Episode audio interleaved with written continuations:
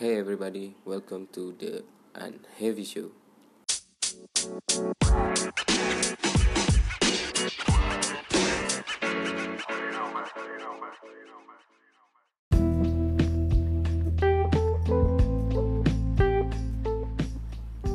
Di sini kita bakalan berbicara tentang lima hal yang harus kita prepare dan develop supaya perjalanan di umur kita yang 20-an ini nggak terlalu hancur banget.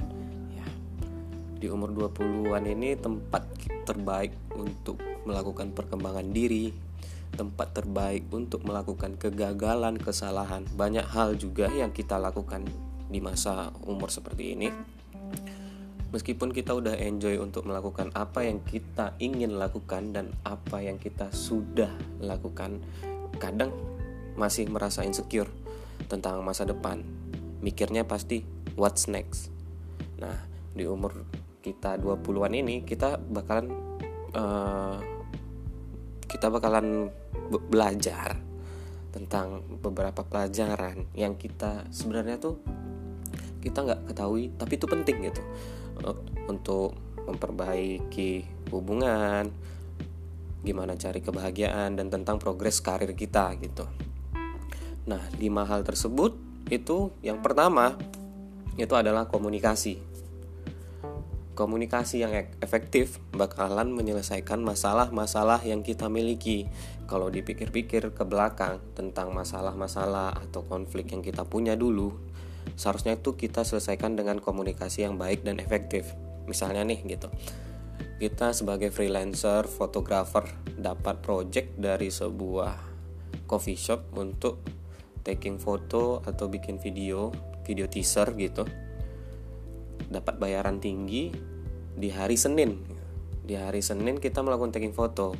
Nah, setelah melakukan taking fotonya itu, kita malah pergi gitu. Pergi emang niatnya untuk fokus melakukan editing, melakukan uh, ya editing, memperhalus hasil, mem mempercantik tanpa kita mengkomunikasikan kapan deadline-nya, kapan juga uh, fee-nya masuk.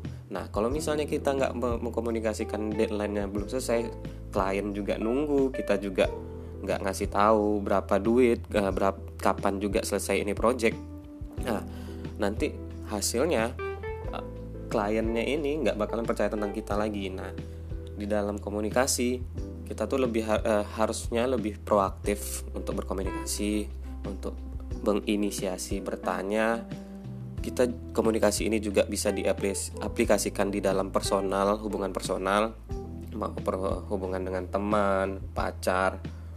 Itu supaya kita tidak berasumsi, berpikir-pikir tentang apa yang orang orang terdekat kita ini yang apa yang orang terdekat kita ini yang yang mereka butuhkan atau mereka yang inginkan gitu coba bertanya dan tidak dan coba untuk tidak lari dalam suatu pembicaraan yang menurut diri kita itu berat gitu atau sulit. Di dalam bukunya ini ada dua buku yang menjelasin sama itu tentang bukunya Ho Hyang sama Dale Carnegie. Dia bilang ketika kita masuk dalam situasi perbincangan yang berat cobalah absorbing resapi selama 5 menit apa yang ya, ya apa yang di dalam kelompok diskusi itu berbicarakan diperhatikan secara seksama serapi itu pasti nanti setelah lima menit kita pasti bakalan bisa ngikutin juga nah di dalam komunikasi kita untuk mempersiapkan di umur 20-an tuh memang kita harus memperbaiki lagi komunikasi. Mungkin menurut kita kita sudah cukup, tapi coba lagi dilihat apakah masih kurang. Mungkin ini bisa diimplementasikan. Yang kedua itu adalah ya tidak ada pengganti dari kerja keras. Ya nggak peduli mau kita mau pintar, mau kita punya skill hebat untuk ahli dalam suatu hal ini, misalnya dalam menulis atau public speaking itu dibutuhkan waktu, dedikasi dan konsisten. Even nih, uh, even kalau udah satu tahun dua tahun kita masih merasa, oh ini udah cukup kok, ini udah jago belum. Itu ada sebuah filosofi tentang filosofi bambu. Bambu ini kan dari Cina nih ibaratnya dari Asia. Bambu pepatahan bambu atau lempengan bambu itu ditaruh di tanah gitu. Itu pasti bakalan tumbuh. Tumbuh ke bawah dalam lima tahun. Akarnya dulu rootnya dulu. Nah setelah lima tahun itu ntar baru muncul lagi pohon bambunya satu persatu itu dalam dua minggu aja bakalan tumbuh sekitar satu meter. Nah, di sini maksudnya ialah dalam dalam kita melakukan sesuatu kita butuh ya showing up tiap hari do the work tiap hari walaupun memang kayak ke hasilnya tuh nggak kelihatan gitu. Kadang kita juga harus butuh untuk namanya delay gratification sabar untuk ya untuk melakukan prosesnya soalnya kadang kita nggak ngeliatin eh, kita nggak ngelihat hasilnya tapi di situ kita padahal sudah bukan sudah sih lagi membangun satu persatu gitu. Juga nggak ada shortcut buat progres karir kita. Kalau juga kita beruntung udah nemuin passion ibaratnya uh, itu bisa juga jadiin income full time income buat diri kita. Jadi uh, kata orang-orang uh, tidak pokoknya kerja keras dulu ntar hasilnya pasti ada gitu yang ketiga ialah jangan biarkan ego kita mensabotase diri kita. Di sini self awareness sangat penting menurut aku dan dibutuhkan. Kita harus mendevelop diri kita jika kita ingin lebih baik untuk menjadi seorang partner kerja, teman atau pacar. Dan dengan mengerti kekuatan kekuatan diri sendiri dan kelemahan kita. Ketika kita mengakui kelemahan kita, uh, misal nih melakukan suatu kesalahan dan kita mengakui itu lebih baik itu kita aware oh ini salahku gitu. Dan mengakui meminta maaf. Ini bukan tentang lari dari konflik ya. Ini tentang bagaimana kita berurusan dengan emosi kita sendiri. Ya contohnya kalau ngerasa lagi ada masalah nih menggebu-gebu ngerasa kesabaran kita nurun emosi kita naik darah tinggi gitu kita tuh pasti di saat itu dikontrol oleh amarah. Nanti ujungnya nggak bakalan baik. Makin dalam, makin dalam, makin dalam keluar kata-kata yang ya hewani lah gitu. Hewani, padahal hewan itu nggak salah gitu. Kata-kata yang sebenarnya nggak nggak perlu diucapkan ke lawan lawan bicara bisa juga. Ya ini terjadi karena kita tuh disabotase oleh diri kita sendiri. Ya solusinya menurut aku mungkin di dalam situasi seperti ini kita butuh untuk step away for a while tin, uh, tenangkan pikiran dulu sebentar. Ya pergi jalan dulu keluar kontrol emosi dalam ya setidaknya 5 sampai 10 menit terus kembali lagi uh, di sini bukan untuk lari ya gitu lari dari masalah balik lagi. Kalau memang benarnya uh, benar kita itu salah ya udah gitu. Akui itu kesalahan. Nah yang keempat break the addiction.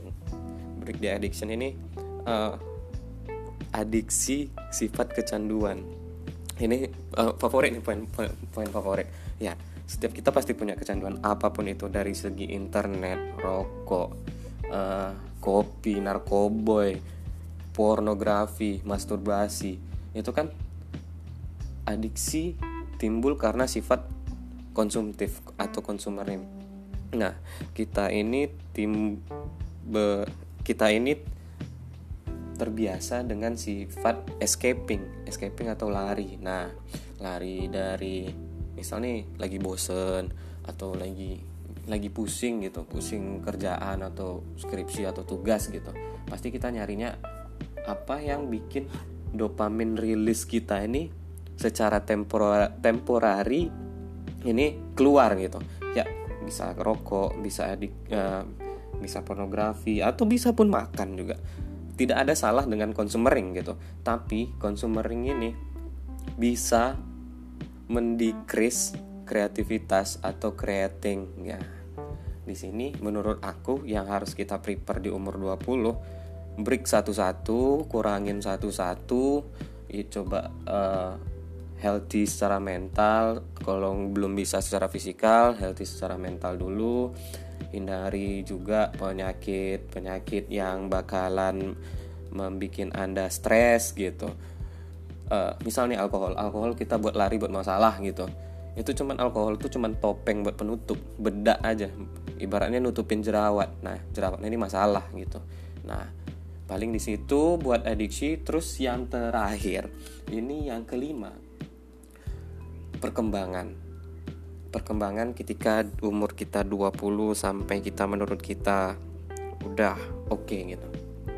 Kita nggak perlu takut gagal untuk melakukan sesuatu gunain umur 20 untuk investasi skill dan biarin aja itu terbangun secara perlahan dengan sendirinya. Learn as much as we can and fail as much as we can.